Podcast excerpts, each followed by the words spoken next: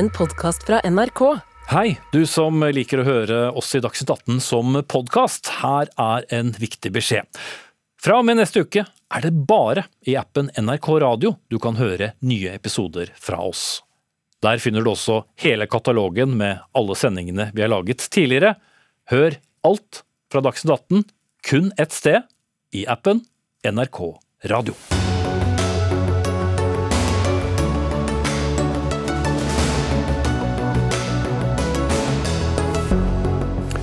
Konsekvensene av Fosen-saken kan bety kroken på døra for Finnmark, sier lokalordfører. Én av fem kvinner sier de har vært utsatt for voldtekt, ifølge ny rapport, og den andelen har doblet seg på ni år. Likevel er det få som anmelder. Tiden er inne for å ønske Sverige og Finland velkommen i Nato, sa generalsekretær Jens Stoltenberg i Helsingfors i dag men de kommer neppe inn samtidig. Og man både kan og bør tukle med, og ikke minst modernisere litterære verk, sier forfatter og språkviter. Ja, da ønsker vi god tirsdagskveld. Dette er Dagsnytt 18. Jeg heter eh, Espen Aas. Det skal bli mer om eh, vindkraft litt senere i sendingen, men vi skal starte med en eh, dyster rapport som ble lagt frem i dag. Over én eh, av fem, eller 23% av norske kvinner, sier at de er blitt voldtatt i rapporten som er bestilt av Justisdepartementet. Omfang av vold og overgrep i den norske befolkningen, heter den. Andelen på 23% det er mer enn en dobbelt så stor andel enn ved forrige rapport, fra 2014. Da var tallet under 10% Og Maria Teresa Grønning Dale, du er psykolog og prosjektleder for denne rapporten. Hvor ser dere de største endringene? Eh, ja, du har allerede vært eh, inne på det. Vi gjorde jo en lignende studie i 2014, så vi hadde mulighet til å gjøre en sammenligning. Eh, og Her ser vi helt klart at den største endringa er hos unge kvinner i alderen 18 til 29 år. Og Da gjelder for voldtekt ved makt og tvang. Og Her har det faktisk vært en dobling i forekomst, rapportert forekomst, fra 8% til 19 mm. Men Har du noen forklaring på hvorfor økningen er så kraftig? Eh, vi eh, vet jo ikke om eh, de forekomsttallene er ny vold eller om det er økt bevisstgjøring. Det trengs flere måletidspunkter for å se på det. Én ting er sikkert er jo at det, begge studiene har vært ganske høye tall når det gjelder vold og overgrep. Mm. Når du spør forklaring på hvorfor, eller mener du årsaker? Til, ja. ja. Og da er det jo det at vi, det her er en forekomststudie, så vi har jo ikke sett på årsaker, men vi har sett på risikogrupper.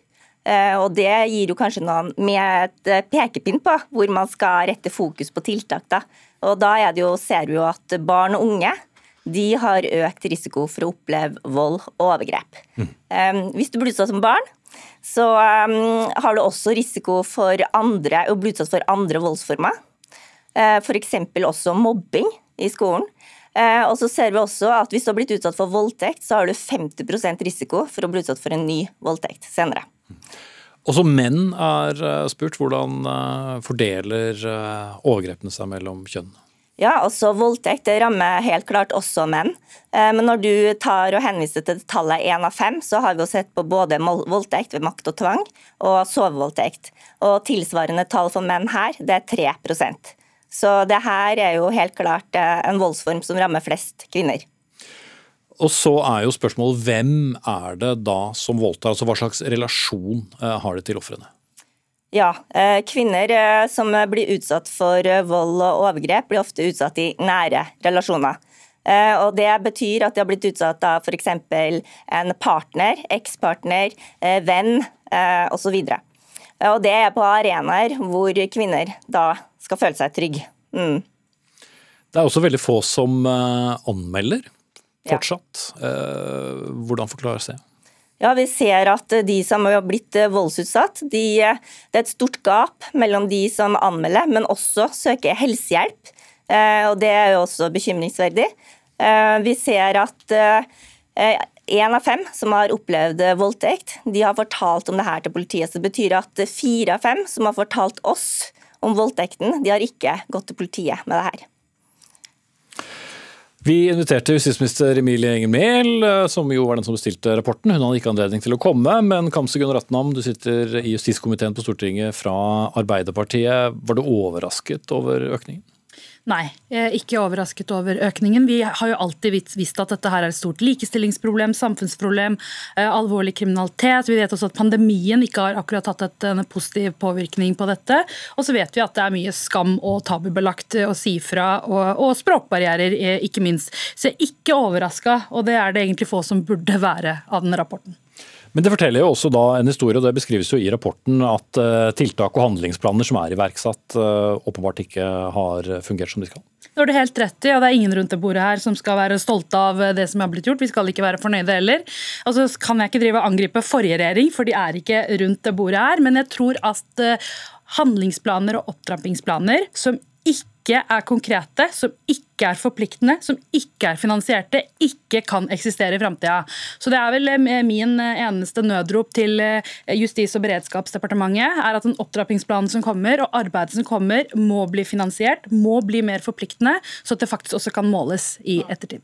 Kirsti Bergstø, stortingsrepresentant og nestleder enn så lenge, i SV. Dere etterlyste en krisepakke mot voldtekt. Hva skal en sånn krisepakke gå ut på? Vi, etterlyser først og fremst tiltak som virker. Og vi har jo nylig fått satt ned et si, voldtektsutvalg som skal se på Eh, på, eh, på, hvordan man kan forebygge, eh, straffeforfølge og hjelpe folk utsatt for, for voldtekt. Men det var et resultat av SV sitt forslag i Stortinget, og jeg er veldig glad for at vi fikk flertall for det. Men mens det utvalget jobber, og de skal gjøre en viktig jobb, så er det jo flere ting vi kan gjøre. Og det vi ønsker å gjøre, det er jo både å sikre et hjelpetilbud for folk som er utsatt, sikre at tilliten eh, til politiet blir bedre, og at de prioriterer eh, voldtektssaker.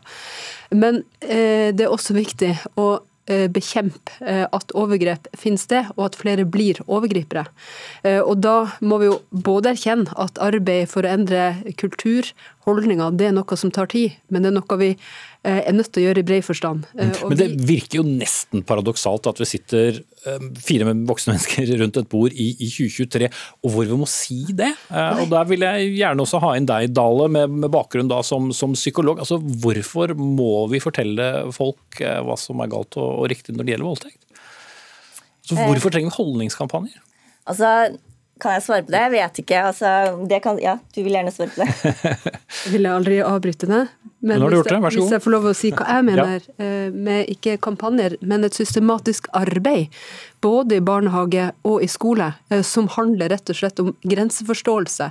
Der man eh, selvfølgelig, med utgangspunkt i den alderen barna har, og ungdommen har, tar opp emner som kjønn, kropp, grensesetting, hvordan du setter grenser sjøl, og ikke minst hvordan er det du respekterer respektere grenser andre sett. Eh, fordi eh, jeg syns det det er nedslående tall, men det er på ingen måte overraskende tall.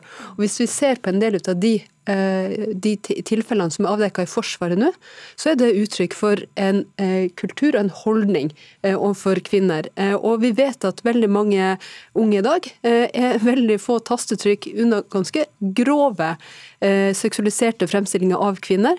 Hvis man ikke har rom der forståelsen av seksualitet blir korrigert, og trygge rom der, der også grensesetting blir plassert, så er det lett at det går galt.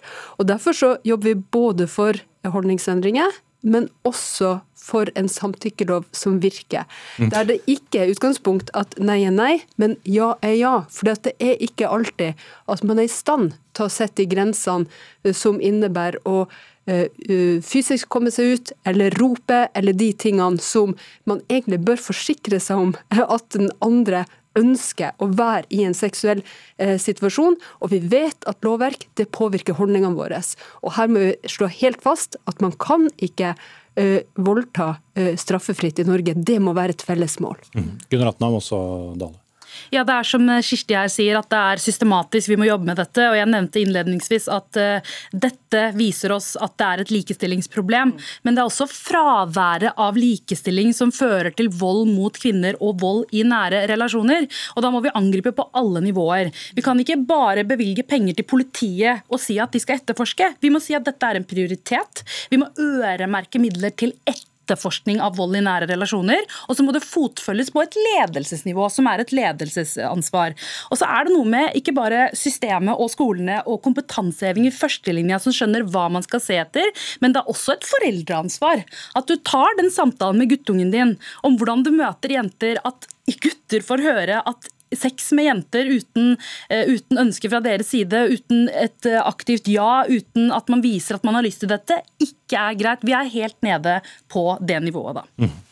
Ja, jeg har ikke lyst til å bevege meg inn i den politiske debatten, men hvis jeg skal forholde meg til de tallene vi har, så ser vi jo tre ting. og Det ene er jo at du må faktisk rette tiltak på de sårbare gruppene der volden faktisk skjer. Og du må også ta volden der den skjer der og da, pga. at det er en økt gjentagelsesfare. Det andre vi ser, er jo det med vold i nære relasjoner, at vi trenger et kjønnsperspektiv. Men ikke bare på kvinner. Vi ser også at vi må bekjempe vold i det offentlige rom. Eh, over, eh, altså Nesten 50% av alle menn har opplevd grov, alvorlig vold. Eh, det skal også tas alvorlig. Eh, grov, alvorlig vold det er definert som eh, kvelertak, bank. Det er ganske sånn alvorlige ting. Mm. Det syns jeg også man skal ha fokus på. Jeg syns også det du sier med at de som både er utøvere og utsatte, må det også være fokus på. I rapporten vår så har vi hatt fokus på utsatte, mm. men utøvere trenger også hjelp. Mm. Og en tredje ting, okay. jeg har veldig lyst til å si det, det er det med levekår. Vi ser at levekår har betydning for voldsutsatthet, mm. og det er også et innspill i forhold til det å jevne ut de forskjellene mm. i samfunnet. Var så vidt innom dette med, med, samtykke. Dere vedtok jo da tilbake i 2021 at dere ville utrede en samtykkelov. Mm. Tror du at det ville gjort en endring? Nå er vi ute på høring eh, med forslag fra Straffelovrådet. Eh, og så må vi vente til, eh, til høringa er ferdig, sånn at vi kan ha en opplyst debatt. Men jeg er personlig veldig optimistisk. Mm. Bergstø. Det, eh, det, blir spennende å følge, og vi kommer til å presse på frem til vi får en, en samtykkelov som faktisk eh, virker. Men jeg har jo lyst til å si en ting til, for vi vet jo at det kan gå an å snu holdninger. Og de som jobber systematisk med det, de lykkes ganske bra. Og jeg har lyst til å trekke frem Sortland eh, i Nordland, eh, som eh, erkjente at her har vi en utfordring, og som satte i gang et arbeid fra eh, man går gravid og til ungdommene har gått ut av skolen.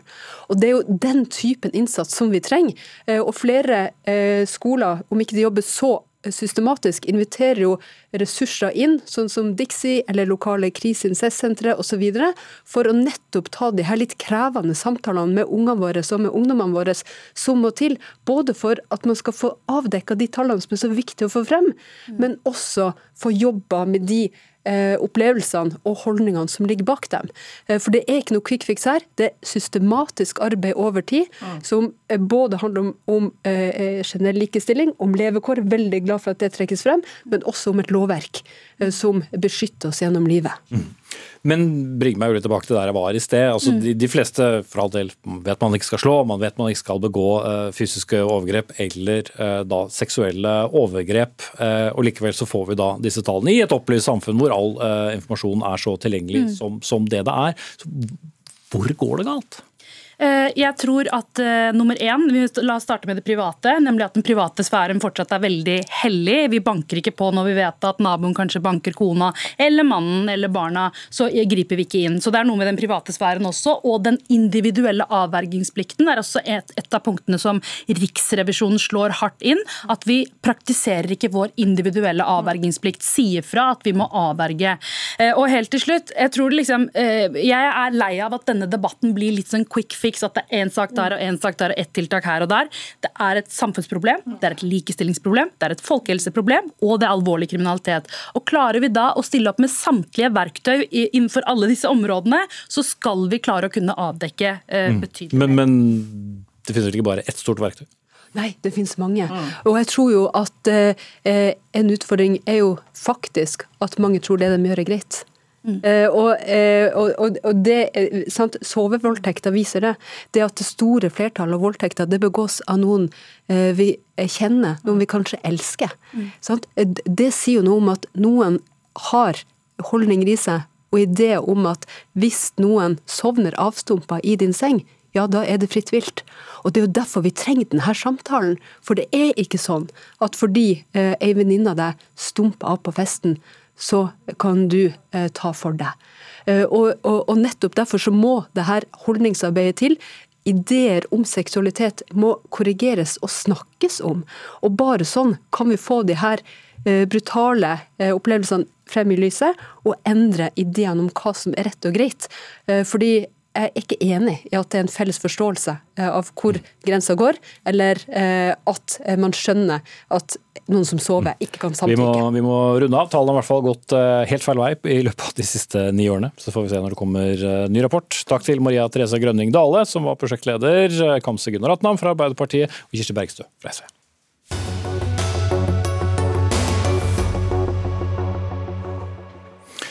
Senere i Dagsnytt 18 møt ordføreren fra Finnmarkskommunen, som sier at Fosen-saken kan bli kroken på døra for eksistensen, ikke bare til hennes kommune, men til Finnmark.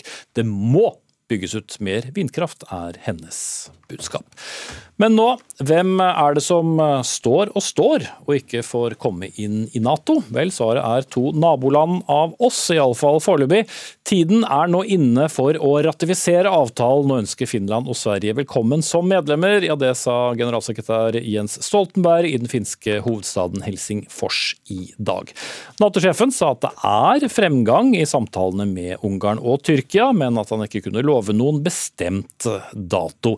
Og i dag skulle spørsmålet om finsk Nato-medlemskap stemmes over i den finske riksdagen, men eh, slik ble det ikke. Korrespondent Joakim Reikstad i Helsingfors, hva skjedde?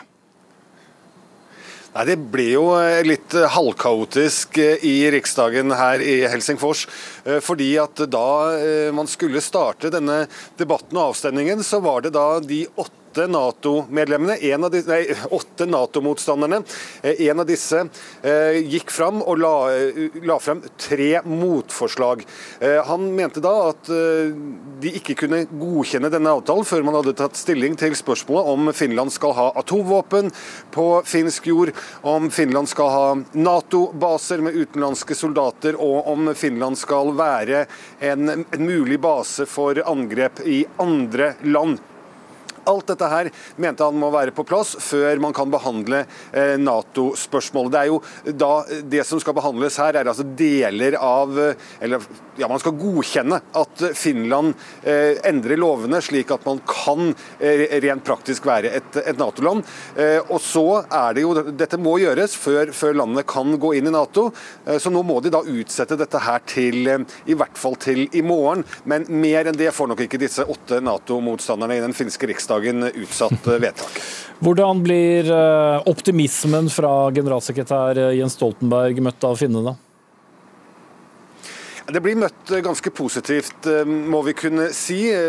Det ene er jo at finner flest er veldig pro Nato i disse dager. Det er vanskelig å finne motstandere ute på, på, gaten. De aller fleste ønsker at dette skal gå fort. Og flere og flere sier også at vi orker ikke å vente på eh, Sverige hvis ikke vi absolutt må. Vi må tenke på vår egen sikkerhet, vi må tenke på vår 1340 km lange grense til Russland.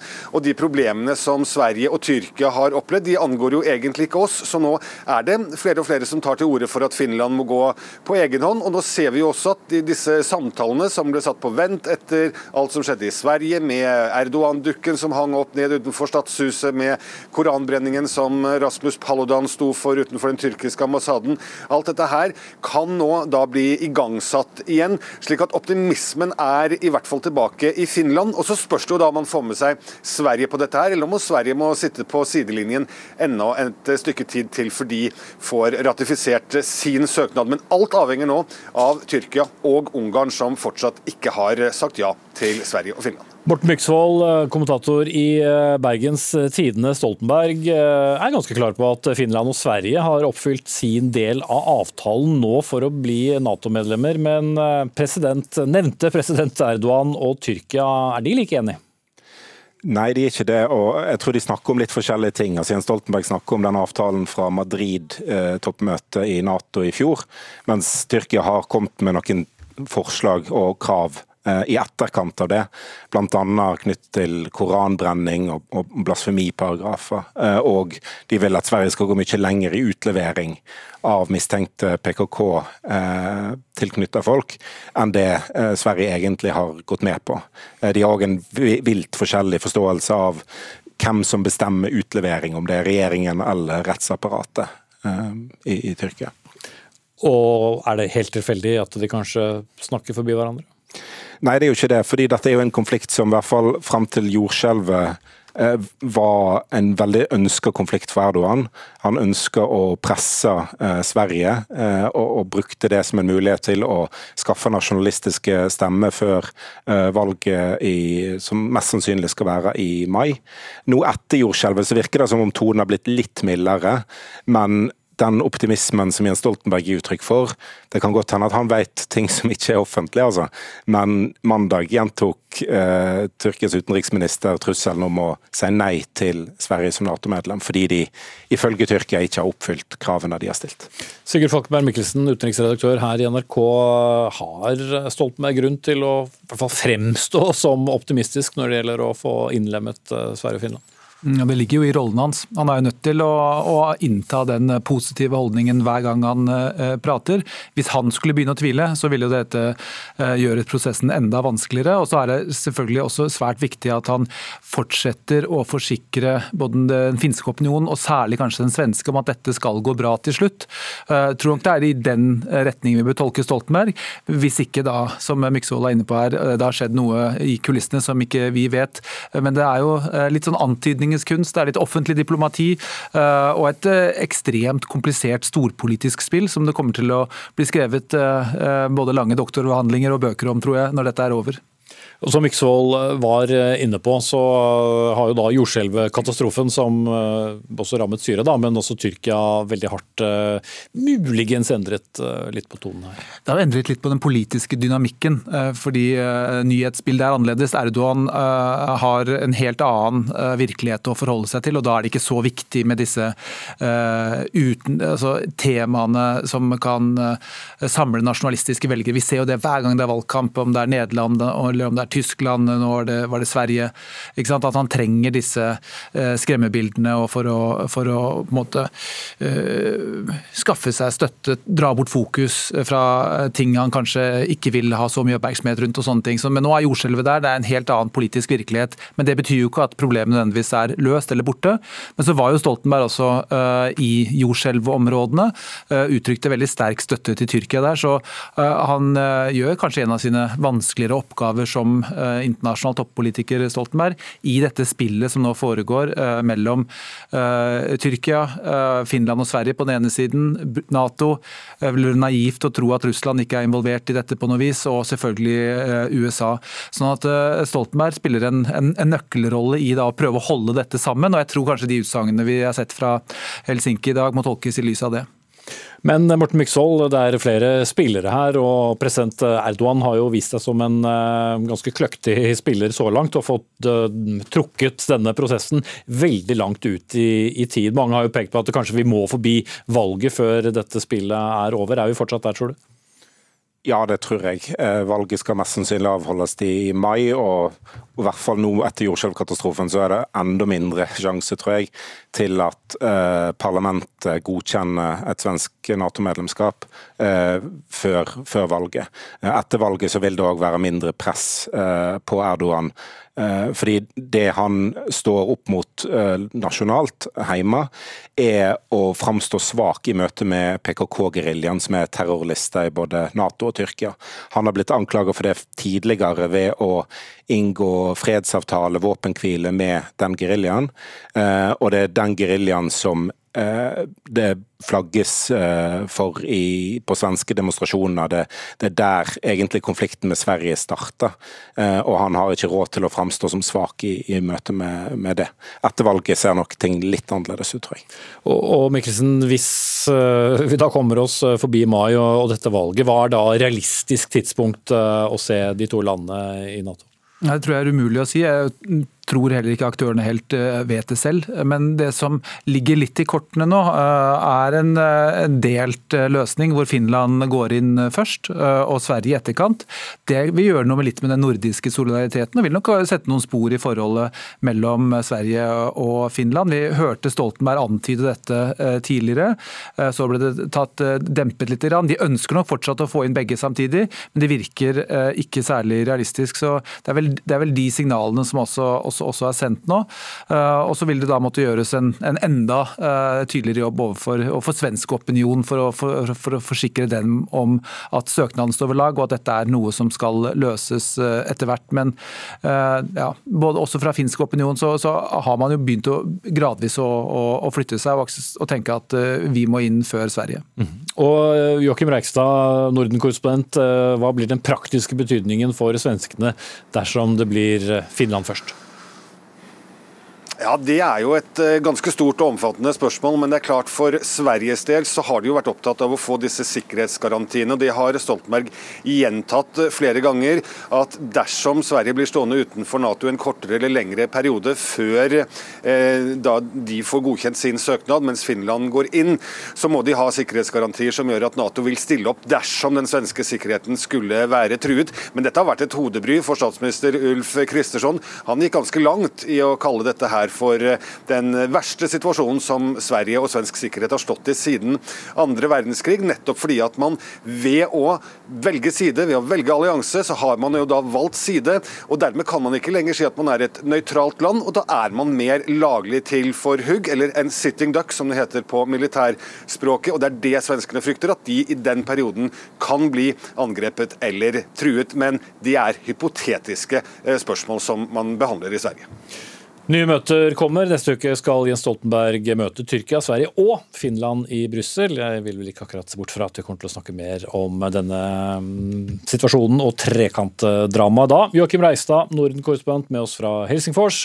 Morten Myksvold, kommentator i Bergens Tidende. Og Sigurd Falkenberg Mikkelsen, utenriksredaktør her i NRK. Takk skal dere ha, alle tre.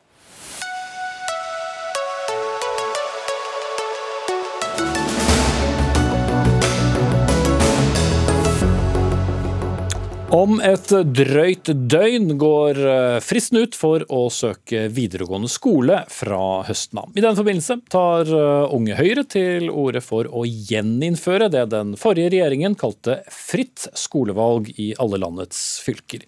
Denne ordningen eh, kalte dagens regjering karakterbaserte opptak, og lot det være opp til hver enkelt fylkeskommune som eier av de videregående skolene å velge hva slags inntaksmodell de ville ha. Men Ola Svenneby, leder Unge Høyre, nå henter dere det frem igjen, eh, men er, hvorfor skulle det mm, bli valgt og gjeninnført nå, når det akkurat er avviklet? I hvert fall på landsbasis. Ja, altså det blir jo trolig ikke gjeninnført nå fordi at den regjeringen vi har, har den fargen den har, men det er jo likevel et valg, og der skal jo alle eh, fylkeskommunene eh, få en ny politisk ledelse. Men så mener jo likevel Unge Høyre at fritt skolevalg det er en grunnleggende rettighet til norske elever. En rettighet til å kunne velge i hvert fall flere skoler enn den skolen som tilfeldigvis er nærmest der man bor, eller nærmest der foreldrene bor. Og Diskusjonen om inntaksmodeller den er egentlig en diskusjon om hvem som skal ha det siste ordet, eller hva som skal være avgjørende for hvor man skal komme inn. Alternativet er at det er fylkestingspolitikere som tegner opp grenser, at det er bostedsadressen til foreldrene dine, eller at det er andre tilfeldigheter som skal avgjøre. og Da mener vi at det mest rettferdige det er at eh, man har fritt skolevalg som gjør at eh, norske elever kan søke seg inn på den skolen som de helst ønsker å gå på. Mm. Så er valgfriheten størst hvis du har best karakter? Absolutt, på samme måte som valgfriheten er størst på universitetene hvis man har gode, eh, gode, karakterer, eller på høyskole hvis man har gode karakterer. På en eller annen måte så må man kunne diversifisere, og da mener vi at eh, eller på en eller annen måte må man kunne skille elevene fra hverandre. og Da er karakteren egentlig den eneste, eh, eneste parameteret som norske elever faktisk har, har avgjørelse over selv. Da. Håkon Einarsve, sentralstyremedlem i Arbeiderpartiets ungdomsorganisasjon AUF. Hvorfor skal det være da opp til hver enkelt fylkeskommune å vedta disse inntaksreglene? Hvorfor kan det ikke være likt for alle? For den Forslaget som Ola snakker om her, det er et rent karakterbasert opptak som gir frihet for dem med aller best karakterer. Vi mener at det ikke skal være sånn at de som er, har de svakeste karakterene, eh, skal være stille sist og bli pusha rundt og er nødt til å flytte og ta de skolene som blir igjen. Og Problemet her er jo at Høyre har sittet i Oslo og laga en modell som de vil tvinge nedover halsen på alle andre fylker. Fylkene sier nei, elevorganisasjonene rundt omkring sier at de ikke ønsker det, lærerorganisasjonene sier at de ikke ønsker det, fordi at det gir A- og B-skoler, og det fører til at vi er nødt til å legge ned distriktsskoler.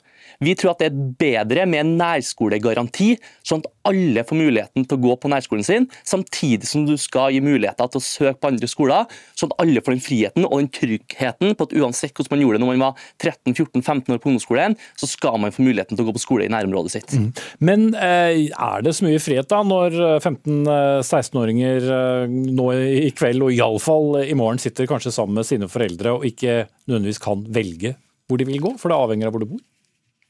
Jo, men Vi vil jo den friheten at alle skal ha rett til å gå på sin skole, men samtidig så finnes det veldig mange andre alternativer. Man kan søke på andre linjer, på andre skoler, og man kan ha muligheten til å søke på andre skoler som man ikke ønsker å gå på nærskolen sin. Men det vi ønsker at man skal ha retten til å gå på nærskolen. For Hvis det skal være sånn at de som fra ungdomsskolen har dårligst karakterer, skal pushes enda nærmere drop-out med at man ikke skal få gå på skole med nærmiljøet sitt, med vennene sine, så vil det føre til at færre fullfører videregående.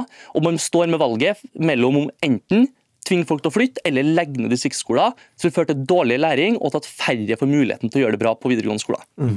Men eh, Ola Sønneby, blir det en eh, veldig god fordeling av elever med modellen dere ønsker? Får du ikke noen eh, veldig populære skoler og noen raskt mindre populære? Det kan hende, og det er nok et, kanskje den største nedsiden med fritt skolevalg også. Men hvis man f.eks.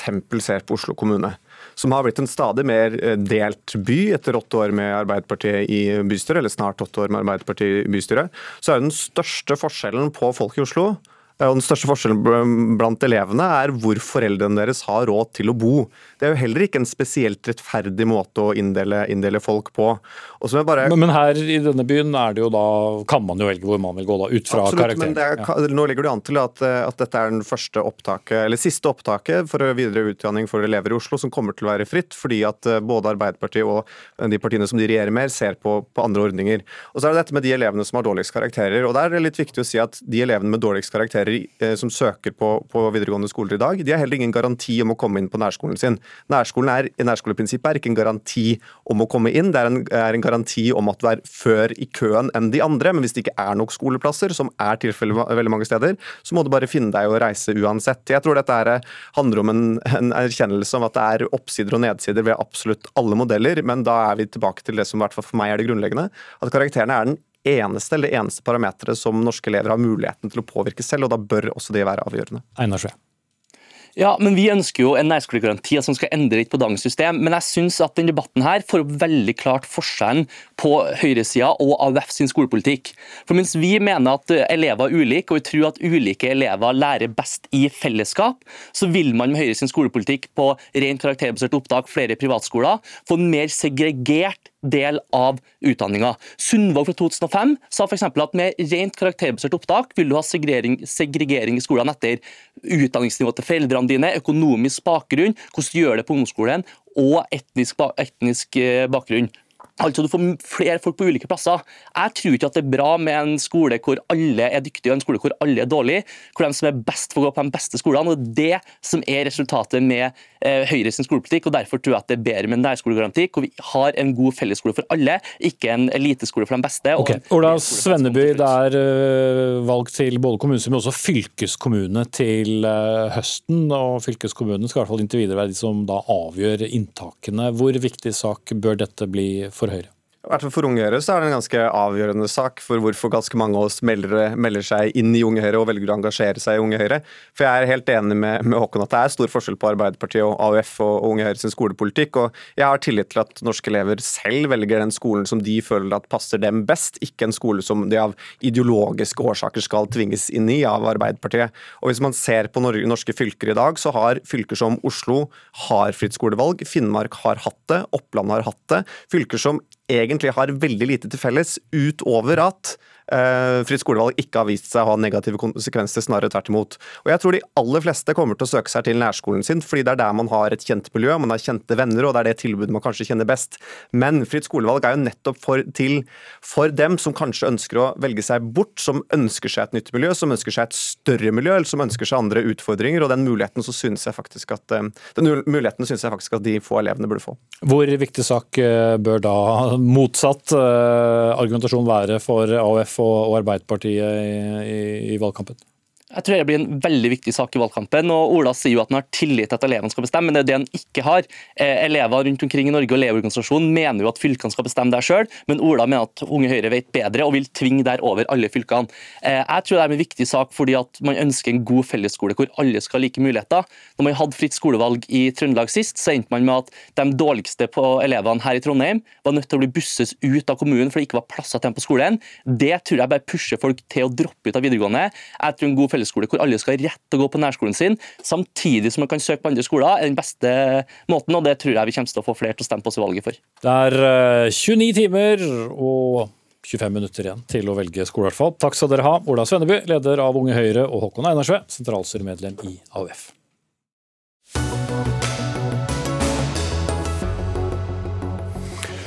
Så til striden rundt vindturbinene på Fosen i Trøndelag. For mens regjeringen arbeider med et nytt kunnskapsgrunnlag, som vel ble ytret noen ganger i studio her i går, så er det splittelse i bl.a. Arbeiderpartiet. Mens Tromsø-ordfører Gunnar Wilhelmsen i går mente at vindturbinene de må fjernes, har andre partifeller en helt annen mening. En av dem er deg, ordfører i Porsanger, Aina Borch. Du sier at dette kan bety kroken på døra, ikke bare for din kommune, men for Finnmark, dersom eh, aksjonen mot Fosen-turbinene eh, fører frem. Og Det må du konkretisere for oss. Du er med oss direkte fra, fra Gardermoen.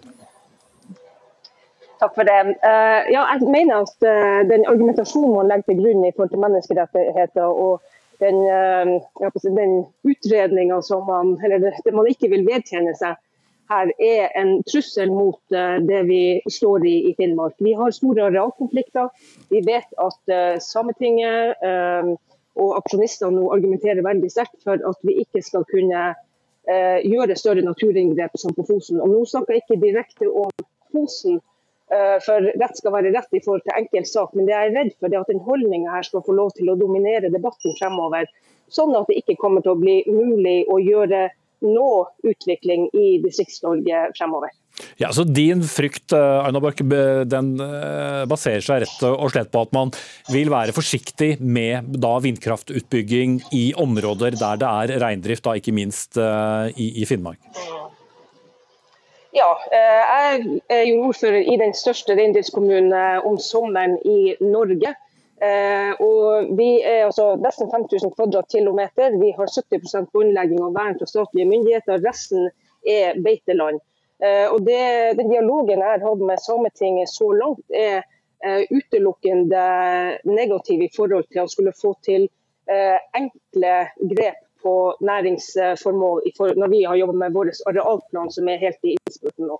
Så jeg er veldig bekymra for om vi skal klare å få til en positiv uh, utvikling. Mm. Lars Haltbrekken, stortingsrepresentant fra SV, vet hva du mener om uh, Fosen-saken. Men forstår du hvordan ordføreren fra Porsanger uh, tenker? For det skal jo i Finnmark ikke minst være en storstilt da, elektrifisering av bl.a.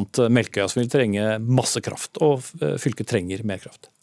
Nei, jeg forstår ikke den holdninga. Jeg forstår ikke at man kan få seg til å si at uh, hvis aksjonistene uh, og reindriftssamene på Fosen får uh, gjennomslag, så betyr det at man legger Finnmark brakk. For hva er det aksjonistene og reindriftssamene på Fosen krever? Jo, de krever at menneskerettighetene følges.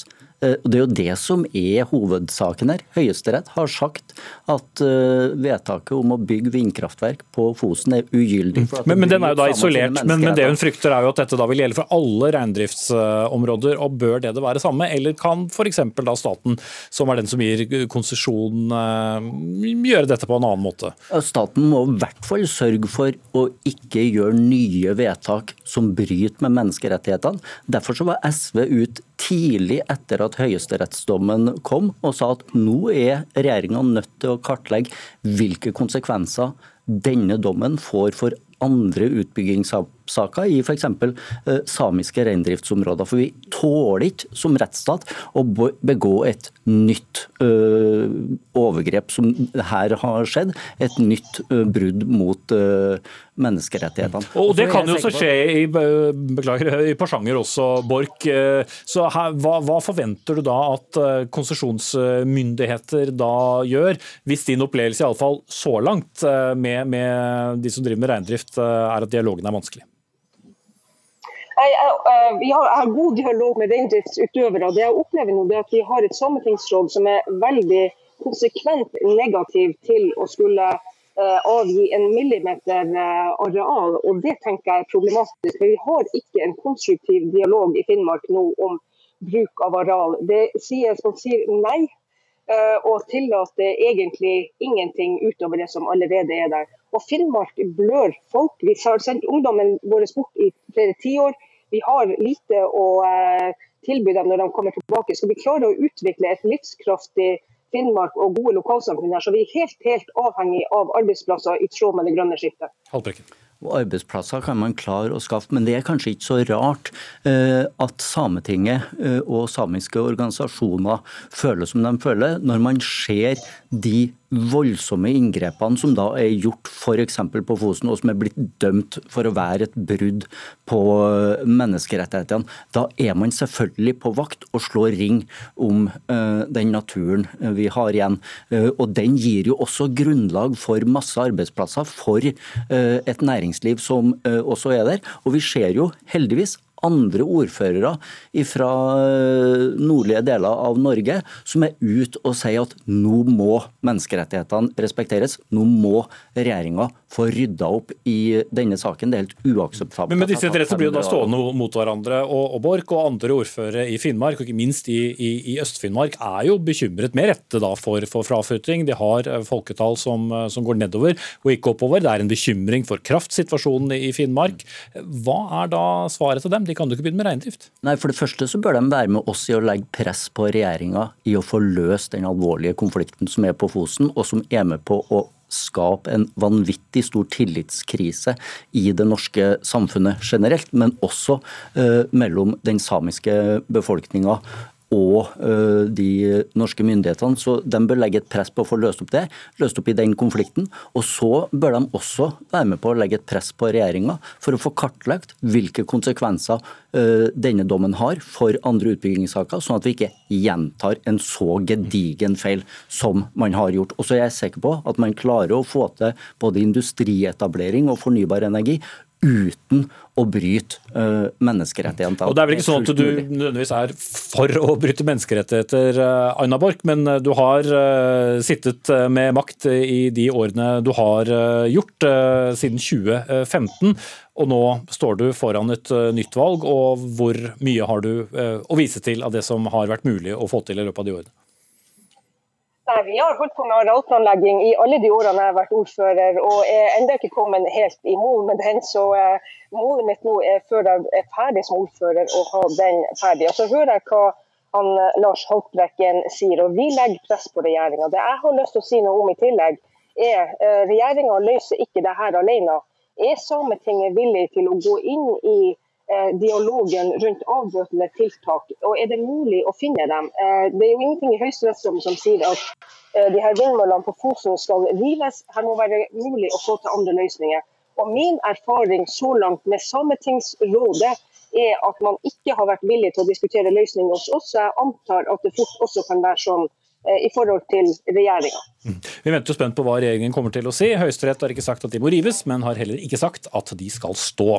Aina Borch, ordfører i Porsanger, med oss på linje fra Gardermoen. Du tilhører Arbeiderpartiet, og Lars Haltbrekken, stortingsrepresentant fra SV her i studio. Takk skal dere ha. Vi skal ikke gi oss med denne saken, for er, det er en veldig betent strid. Og Porsanger er også en av flere kommuner der det er konflikt mellom reindrift og annen næringsutvikling. Tone Sofie Aglen, politisk kommentator her i NRK NRK. På ytring på nrk.no har du skrevet at dette kan bli et helvete, med referanse da til en NRK-serie som heter 'Vi over et helvete, ikke fordi du er så glad i å banne.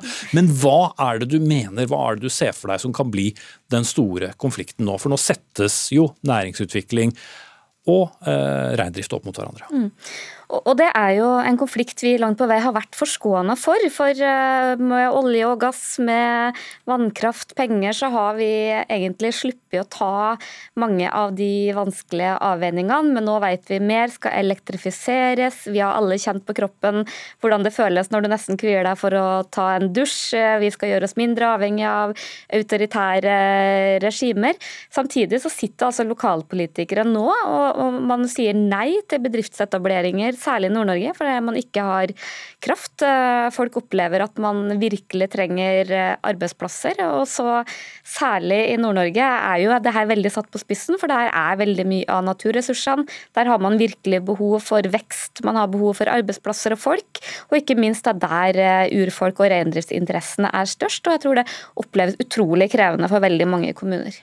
Og det spisser seg til. Jarle Mjøen, du er politisk redaktør i Alta-posten. Hvor stort eh, helvete i hermetegn eh, ser denne Fosen-saken ut til å kunne bli for eh, kommuner i, i ditt hjemfylke? Jeg tror på mange måter at vi må lytte litt til Aina Borch, det hun sier, og problemet med arealkonfliktene som vil komme. Og det vil komme arealkonflikter hvor reindrift og Sametinget er på den ene sida og lokalsamfunn på, på den andre sida. Men jeg vil jo også si det at eh, det som vi ser nå av demonstrasjoner og fokus på det her med menneskerettigheter og det, så er det, tror jeg også det i Finnmark er et eh, klart signal om at vi må respektere Høyesterett og, og rettsavgjørelser som er tatt. Vi må respektere menneskerettigheter. Mm. Så er det hvilke konsekvenser det får. og, og den ene konsekvensen som jeg ser for meg, og som jeg tror veldig mange i Finnmark heier frem, det er det at uh, det blir umulig for regjeringa å godkjenne uh, linjebygginga mellom Skaidi og Hammerfest som en helt nødvendighet for å kunne elektrifisere Melkøya.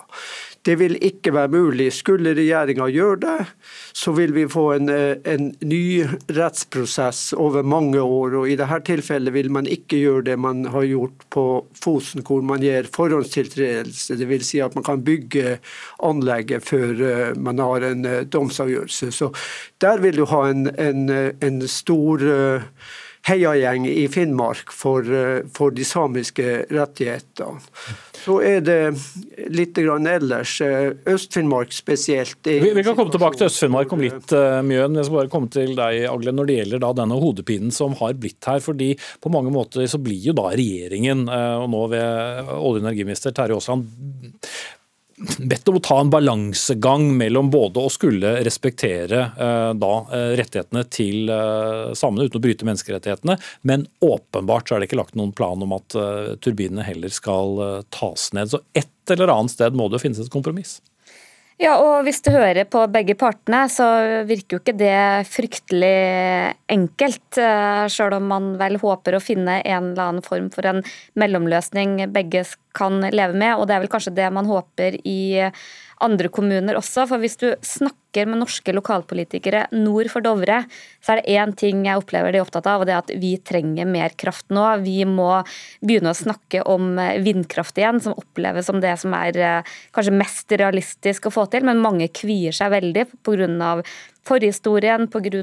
alle de eh, krysspressene de opplever lokalt. Men også i de kommunene så, så, opplever man rett og slett om å si eh, nei takk til eh, det som kan være arbeidsplassen til, til naboen. Derfor så er det her utrolig vanskelig, ikke bare for regjeringa, men også for veldig mange lokalpolitikere rundt omkring i Norge. Og da tilbake til deg, Jarle Mjøen. for Før sending så, så snakket vi med deg nettopp om Øst-Finnmark. Og, og, den delen av, av Finnmark er, er, nærmest dødt, har du sagt. Hvilke utfordringen er, er det da området fra, fra Karasjok og til eh, Sør-Varanger har? Ja, Det er enorme utfordringer som er Øst-Finnmark. og Jeg vil kalle det nesten ei skjebnetid som eh, regjeringa og statsminister Jonas Gahr Støre har et særlig ansvar for å kunne løse. og eh, uten at Øst-Finnmark får linjebygging til Øst-Finnmark, sånn at man får utnytta de kraftressursene som er der, får til ny virksomhet Eh, hørte i dag at, eh, fra Varanger Kraft at de hadde 10-15 store etableringer på gang dersom man fikk eh, nok kraft. Så dersom man ikke klarer å løse det her, så er det sånn at vi kan slokke lyset i Øst-Finnmark ganske snart. For det er sånn at Nyttårsbarnet i mange kommuner den kommer først til, til sankthans, så vi har tomme klasserom og, og, og halvtomme barnehager. Tone Sofie Aglen, eh, hva skjer med disse lokalsamfunnene som blir så splittet? Nei, De opplever jo et uh, voldsomt uh, krysspress, og det er jo også de kommunene hvor man opplever at mest står på spill. Fordi det betyr så utrolig mye å få noen mennesker til eller fra til å bo i kommunen sin. Og i dag så er jo mange som frykter at man blir et slags museum, eller hva man skal kalle det. Så tror jeg at at man kanskje hadde stått seg på en litt ærligere debatt om at man kanskje ikke får til alt. Og det er kanskje litt det man ser konsekvensene av på Fosen i dag.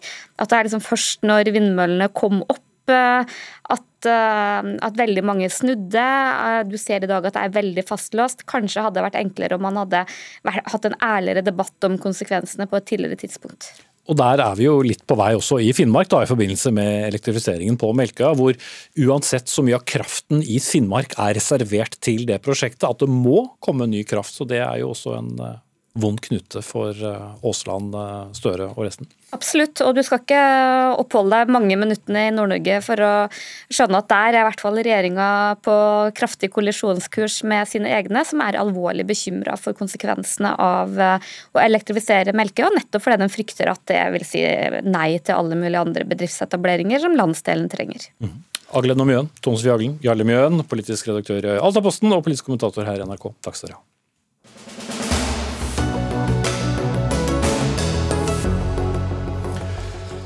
Idet de mange forargelsene over foreslåtte språklige oppdateringer i bøkene til bl.a. Roald Dahl er i ferd med å legge seg, kom i dag, eller i går kveld snarere, språkviter og forfatter Helene Uri på banen med én beskjed til sine moralsk forargede kolleger, som hun kaller dem.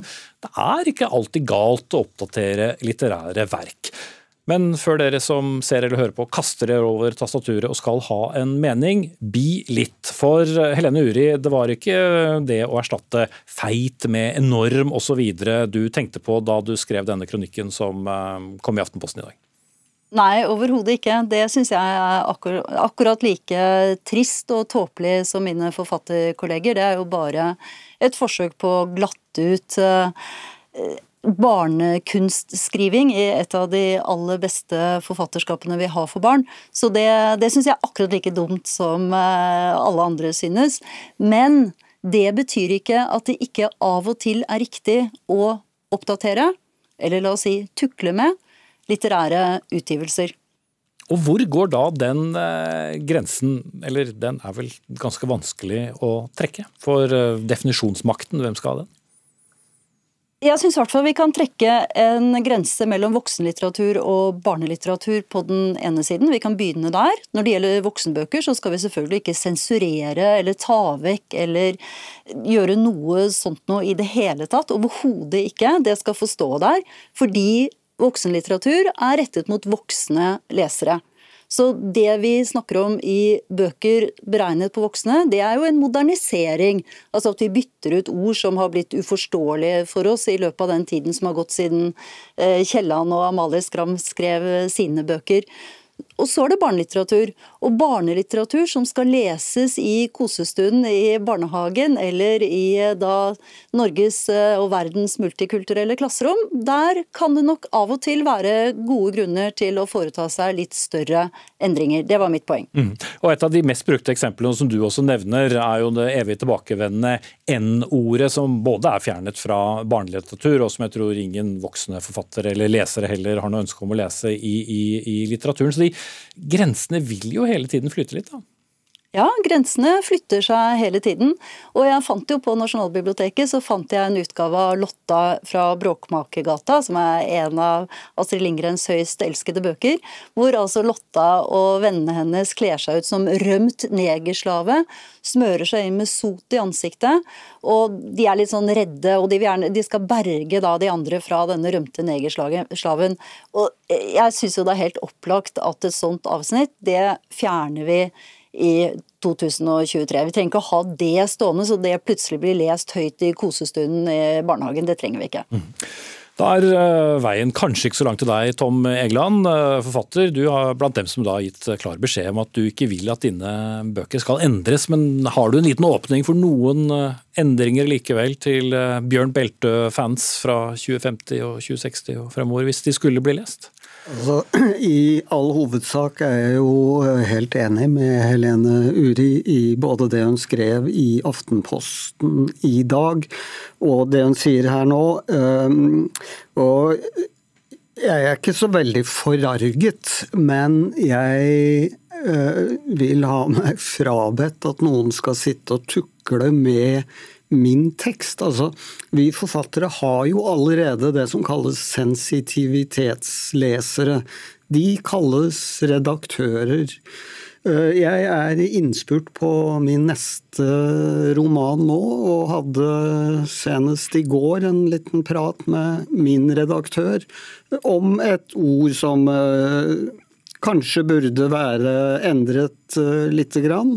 Eh, dette er, er, jo en pågående prosess. Det som skremmer meg med denne saken, er jo altså udugeligheten til disse britiske sensitivitetsleserne. Altså er det virkelig bedre å bli kalt enorm enn feit. Mm. Og der, der, er dere for så vidt uh, enige, da. Men da jeg ringte deg tidligere i dag, og så snakket også din hovedperson, for de som ikke kjenner Bjørn Beltø da, i, i, bøkene, han er jo albino. altså Han har da ikke melaninpigmenter i huden over uh, hodet. Albinoordet er gangbart uh, fortsatt i 2023, men jeg tenkte ikke søke lenge før jeg også fant organisasjoner som forteller at ikke alle ønsker å bli kalt en albino. Da forsvinner jo veldig mye av grunnlaget for dine romaner bort, da, hvis det skulle være et ord som ikke lenger var gangbart? Ja, altså hjemme har jeg en dvergpuddel. Kan jeg si det lenger? Uh, Bjørn Beltø er, uh, er, som du sier, albino, eller jeg kunne skrevet 'lider av albinisme', hvis det er bedre, selv om det er litt mer krøkkete formulering. Men hvis hele den dimensjonen skal fjernes, altså hvis vi begynner der å rokke ved ikke bare enkeltord, men hva folk faktisk er. Og det finnes dem som argumenterer for det, at det spiller ikke noen rolle hvilken hudfarge et menneske har. Det gjør det jo for så vidt ikke, men i litteraturen så spiller jo alle sånne detaljer en rolle. Og hvis jeg skulle omgjøre Bjørn Belte til eh, hva skal vi si, en uten albinisme, så ville jo hele hans eh, selvbilde, hans egen psyke, hans selvforståelse, alt som har formet ham som menneske, vil forsvinne. Og det er jo i høyeste grad et litterært valg, og det er ikke et valg som jeg ønsker at såkalte sensitivitetslesere skal prakke på meg. Nå er dette et for så vidt konstruert eksempel fra denne programlederen, da, men eh, Helene Uri, det er vel heller ikke en helt umulig tanke? At noen skal reagere på beltet i fremtiden, nei det kan jo skje. Men nå er jo disse bøkene til Tom, det er jo voksenbøker da. Så da har jo ikke jeg noe som helst slags ønske eller drøm om at det skal forandres. I mine voksenbøker, og i Tom Egelands voksenbøker, og i alle bøker som skrives for et voksenpublikum, så er det bare modernisering av språket jeg mener kan være på sin plass. Hvis vi er så heldige at vi blir lest om 150 år, da. Mm. Men, men, er det hvite middelaldrende menn og kvinner som skal ha definasjonsmakten? Det er jo det noen vil være uenig i? da? Nei, altså Jeg mener jo at forfatteren skal ha den definisjonsmakten. Eh, jeg har jo skrevet til mitt forlag Bonnier og understreket hva jeg står for, men i det brevet har jeg også understreket at språklig modernisering, eller altså kutte ut gamle, altså gamle former er selvsagt en del av eh, et litterært kretsløp. Men det er jo selvsagt altså Jeg tror jo ikke egentlig jeg blir lest om 50 år, så det er et veldig hypotetisk problem dette her, men hvem vet. Til slutt, eh, Uri, 20 sekunder. Ja, fordi det er jo noe med at neger er jo også et ord som har blitt byttet ut. Eh, og her er det jo slik at språket og denne sensitiviteten møtes. da. Og jeg tror Vi kan, eh, vi er vel nokså sikre på at Astrid Lindgren mente ikke å skrive noe nedsettende. Og da mener jeg at i for et barnepublikum i barnebøker så er det riktig å forandre det ordet. Ok, Da sier vi takk til Helene Uri, Tom Egeland, begge forfattere, ikke formuttere. Espen Aas var programleder for denne sendingen. Anne Katrine Førli var vaktsjef. Vegard Erstad tok seg av det tekniske. I morgen er kollega Sigrid Solund på plass med rykende fersk sending.